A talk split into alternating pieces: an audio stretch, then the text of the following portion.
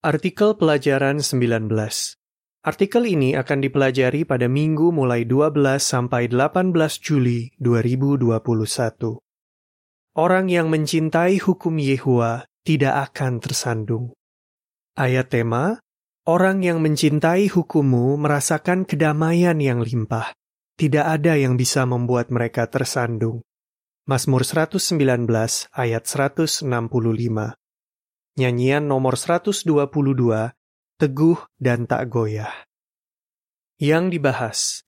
Di artikel sebelumnya, kita membahas empat hal yang membuat orang-orang di abad pertama menolak Yesus dan membuat banyak orang sekarang menolak para pengikut Yesus. Di artikel ini, kita akan membahas empat hal lain lagi. Kita juga akan membahas mengapa orang yang benar-benar mengasihi Yehua tidak akan tersandung. Paragraf 1 sampai 2. Pertanyaan. Apa yang dikatakan seorang penulis dan apa yang akan kita bahas di artikel ini?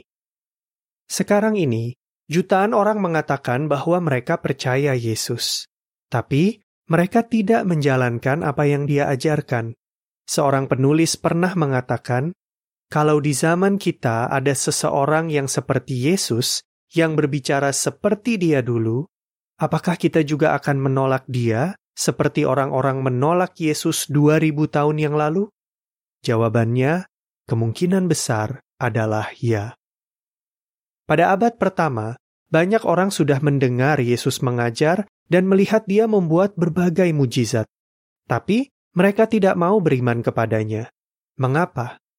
Di artikel sebelumnya, kita membahas empat hal yang membuat orang-orang tersandung dengan apa yang Yesus katakan dan lakukan.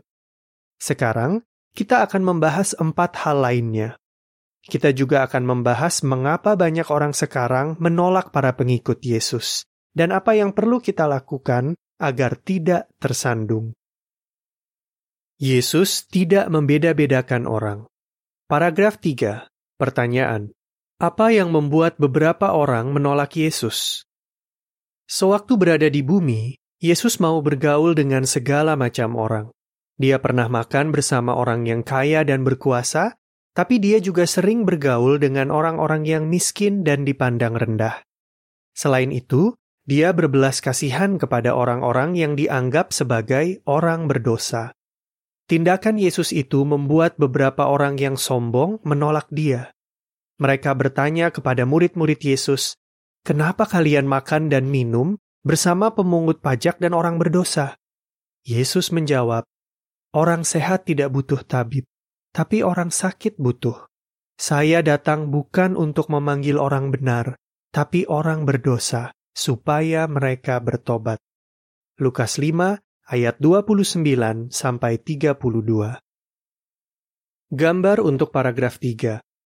Banyak orang tersandung karena Yesus bergaul dengan orang-orang yang dianggap sebagai orang berdosa. Bagaimana hal seperti itu juga membuat banyak orang tersandung sekarang.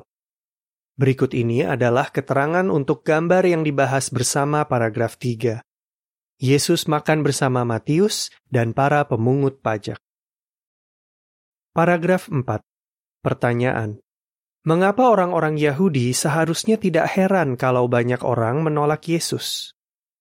Apa yang dinubuatkan dalam kitab-kitab Ibrani?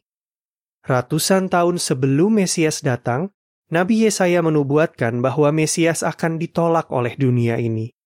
Nubuat itu mengatakan, dia dihina dan orang-orang menjauhi dia. Mukanya seolah-olah disembunyikan dari kami. Dia dihina dan bagi kami dia tidak berarti.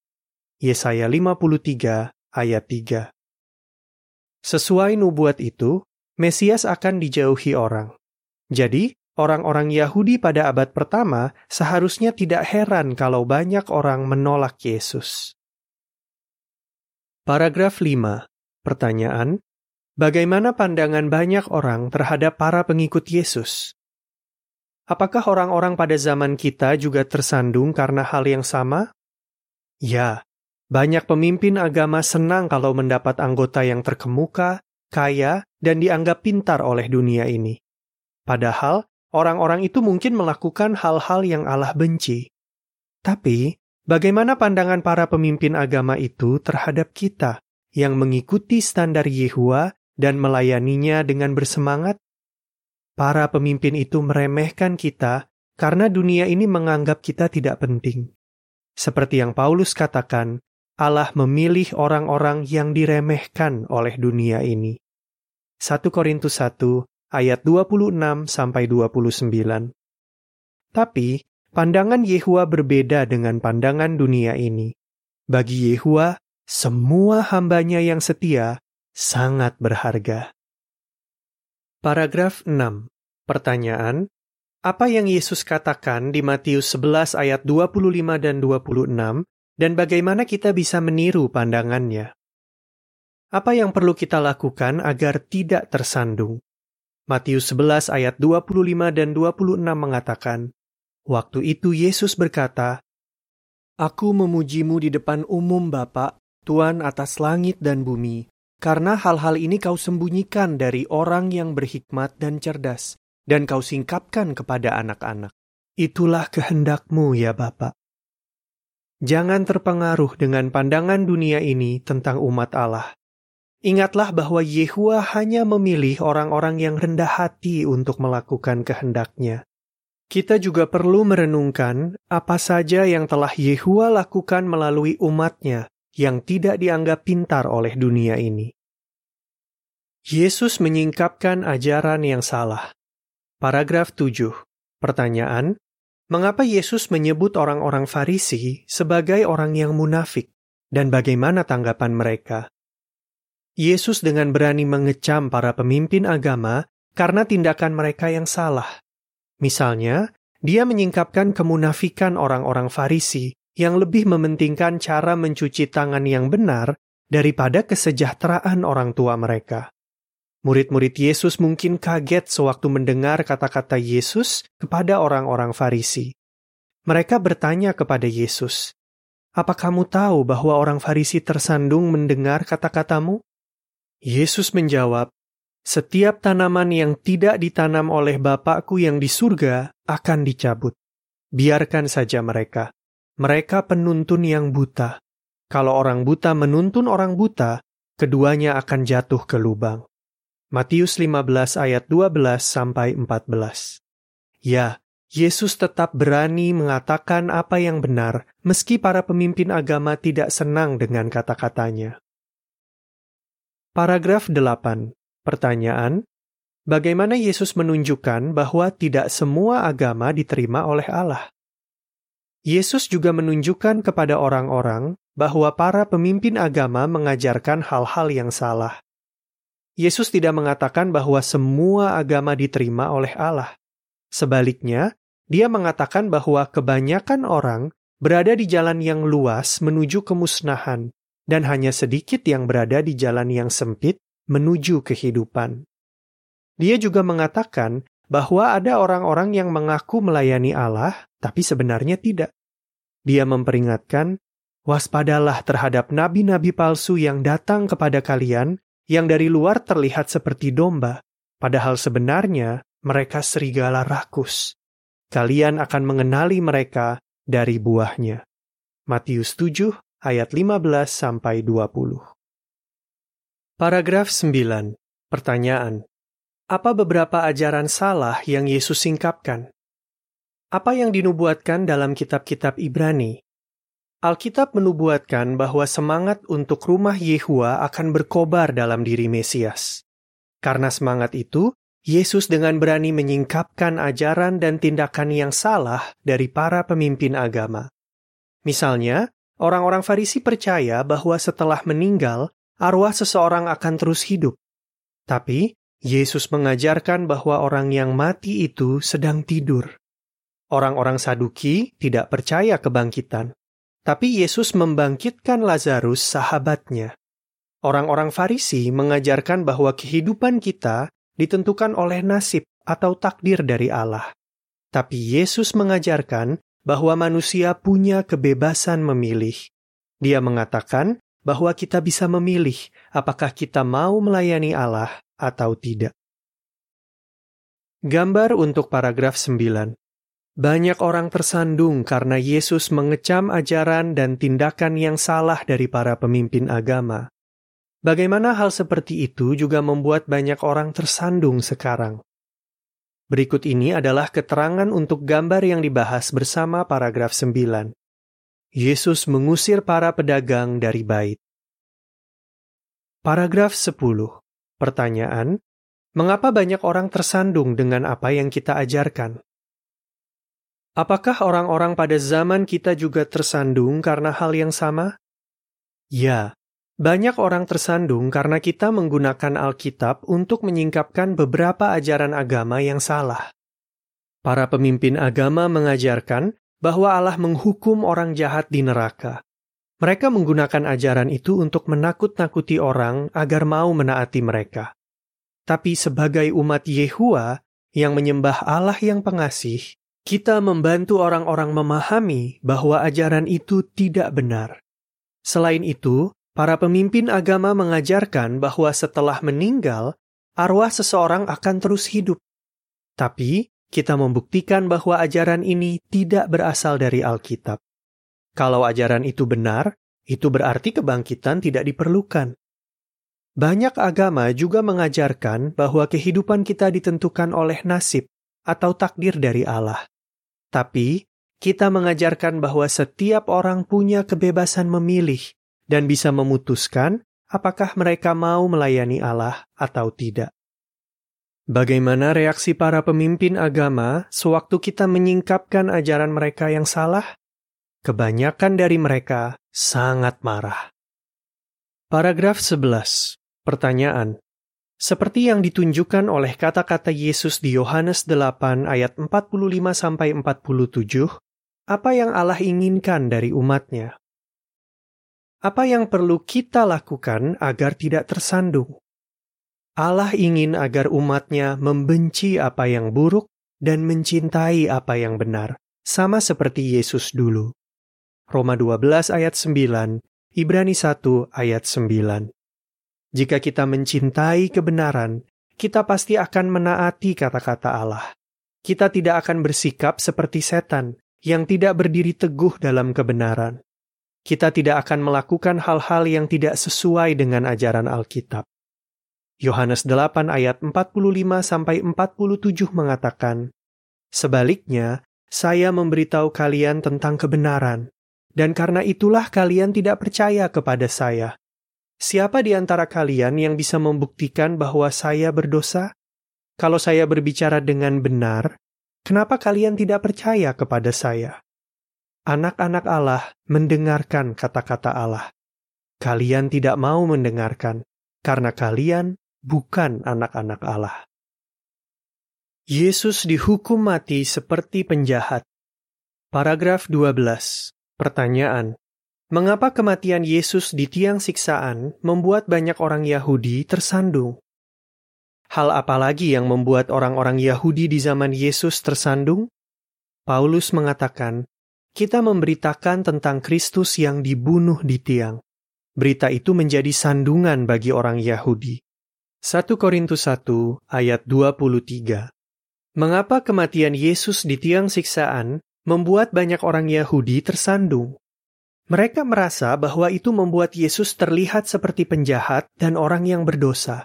Jadi, mereka tidak percaya bahwa Yesus adalah Mesias. Gambar untuk paragraf 12. Banyak orang tersandung karena Yesus dihukum mati di tiang. Bagaimana hal seperti itu juga membuat banyak orang tersandung sekarang? Berikut ini adalah keterangan untuk gambar yang dibahas bersama paragraf 12. Yesus disuruh memikul tiang siksaannya. Paragraf 13. Pertanyaan. Apa yang tidak disadari orang-orang Yahudi yang tersandung karena Yesus? Orang-orang Yahudi yang tersandung itu tidak menyadari bahwa Yesus sebenarnya tidak bersalah. Yesus ditangkap atas dasar tuduhan palsu dan dia diperlakukan dengan tidak adil. Orang-orang yang mengadili Yesus tidak peduli dengan keadilan. Para hakim di Mahkamah Agung Yahudi ingin mengadakan persidangan secepat mungkin tanpa mengikuti peraturan untuk pengadilan. Sewaktu orang-orang menyampaikan tuduhan dan bukti yang memberatkan Yesus, para hakim itu tidak berupaya mencari tahu kebenarannya. Mereka malah mencari-cari kesaksian palsu untuk menuduh Yesus, supaya mereka bisa menghukum mati Dia. Tapi upaya mereka tidak berhasil. Karena itu, imam besar pun berupaya menjebak Yesus agar Yesus bisa dinyatakan bersalah. Itu adalah tindakan yang melanggar hukum. Matius 26 ayat 59. Dan setelah Yesus dibangkitkan, para hakim yang jahat itu memberikan banyak keping perak kepada para prajurit Romawi yang menjaga makam Yesus. Mereka ingin para prajurit itu menyebarkan cerita bohong untuk menjelaskan mengapa makam itu kosong. Matius 28 ayat 11 sampai 15. Paragraf 14. Pertanyaan. Apa yang sudah dinubuatkan di dalam kitab-kitab Ibrani tentang kematian Mesias? Apa yang dinubuatkan dalam kitab-kitab Ibrani? Banyak orang Yahudi pada zaman Yesus tidak menyadari bahwa Mesias memang harus mati.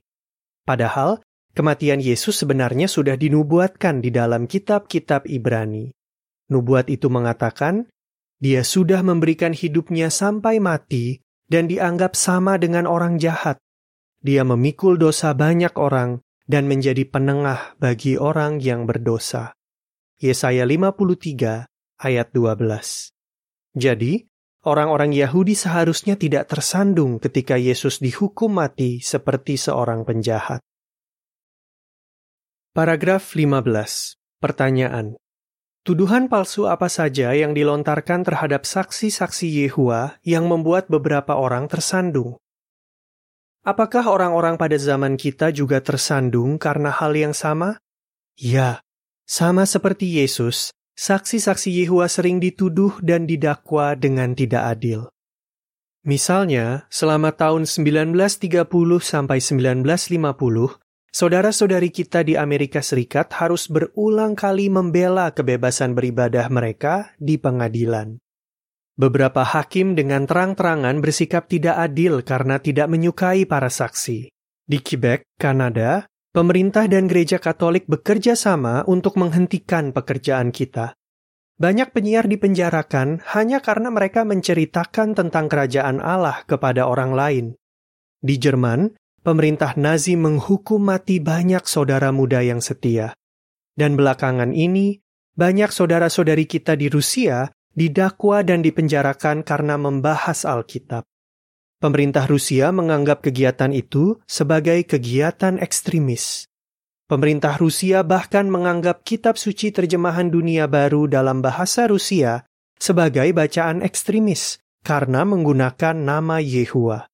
Karena itu, pemerintah melarang siapa pun memiliki dan membagikan Alkitab itu di Rusia. Paragraf 16. Pertanyaan, Menurut 1 Yohanes 4 ayat 1, kita harus berhati-hati agar tidak tertipu dengan kebohongan tentang umat Yehua. Mengapa itu penting?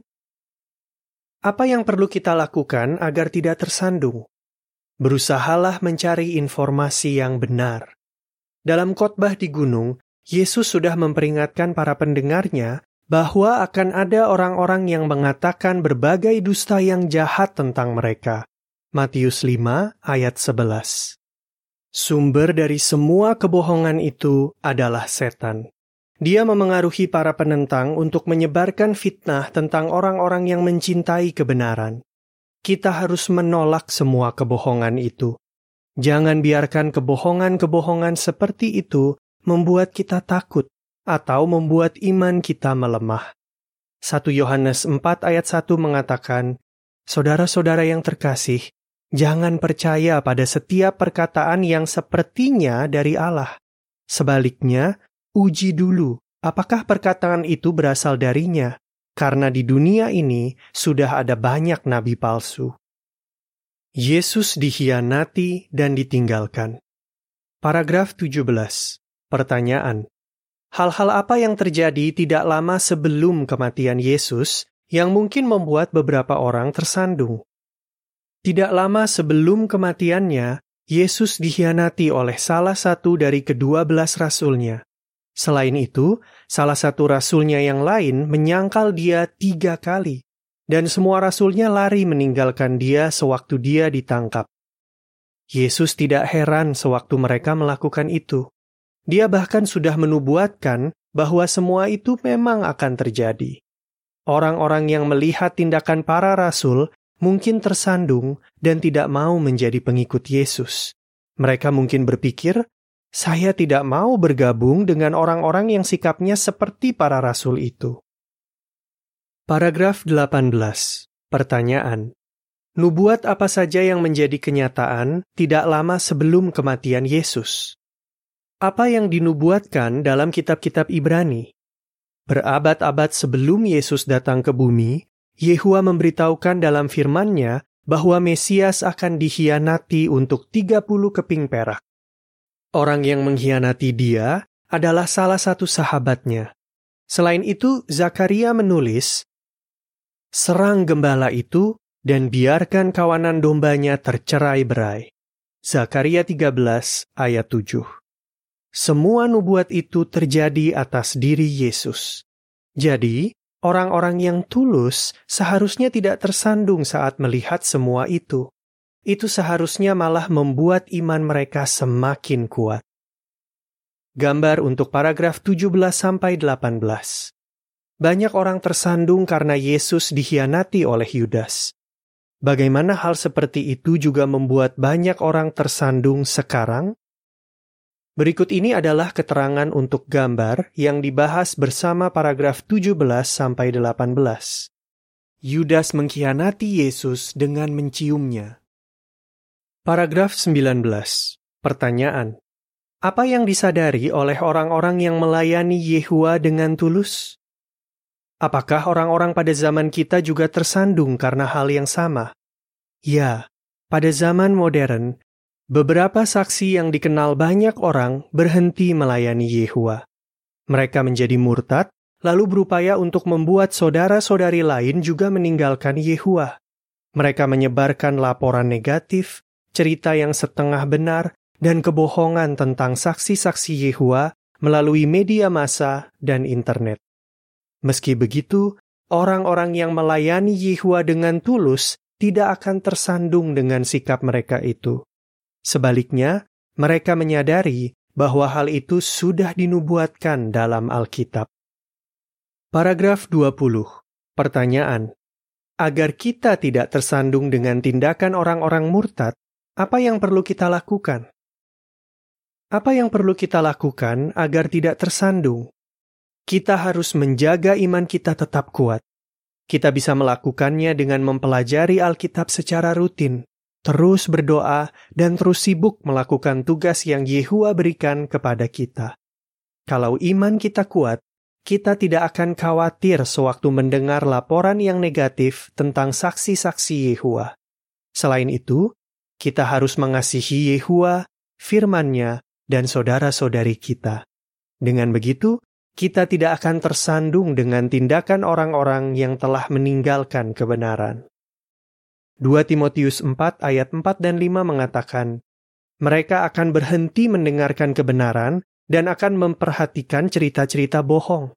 Tapi kamu tetaplah sadar dalam segala situasi, bertekunlah menghadapi kesulitan, lakukan tugas seorang penginjil, dan laksanakan pelayananmu sepenuhnya. Paragraf 21. Pertanyaan. Meskipun kebanyakan orang menolak berita yang kita sampaikan, kita bisa yakin akan hal apa? Pada abad pertama, banyak orang tersandung dan menolak Yesus. Tapi ada banyak juga yang mau menjadi pengikutnya, termasuk banyak imam dan setidaknya satu anggota Mahkamah Agung Yahudi. Kisah 6 ayat 7. Di zaman kita, jutaan orang juga tidak tersandung. Mengapa?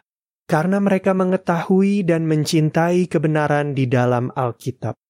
Ini sesuai dengan apa yang Alkitab katakan, orang yang mencintai hukummu merasakan kedamaian yang limpah. Tidak ada yang bisa membuat mereka tersandung. Mazmur 119 ayat 165. Apa jawaban saudara? Mengapa beberapa orang di abad pertama tersandung dengan kata-kata dan tindakan Yesus? Mengapa banyak orang sekarang tersandung? Apa saja yang perlu kita lakukan agar tidak tersandung? Nyanyian nomor 124, Selalu Setia. Akhir artikel.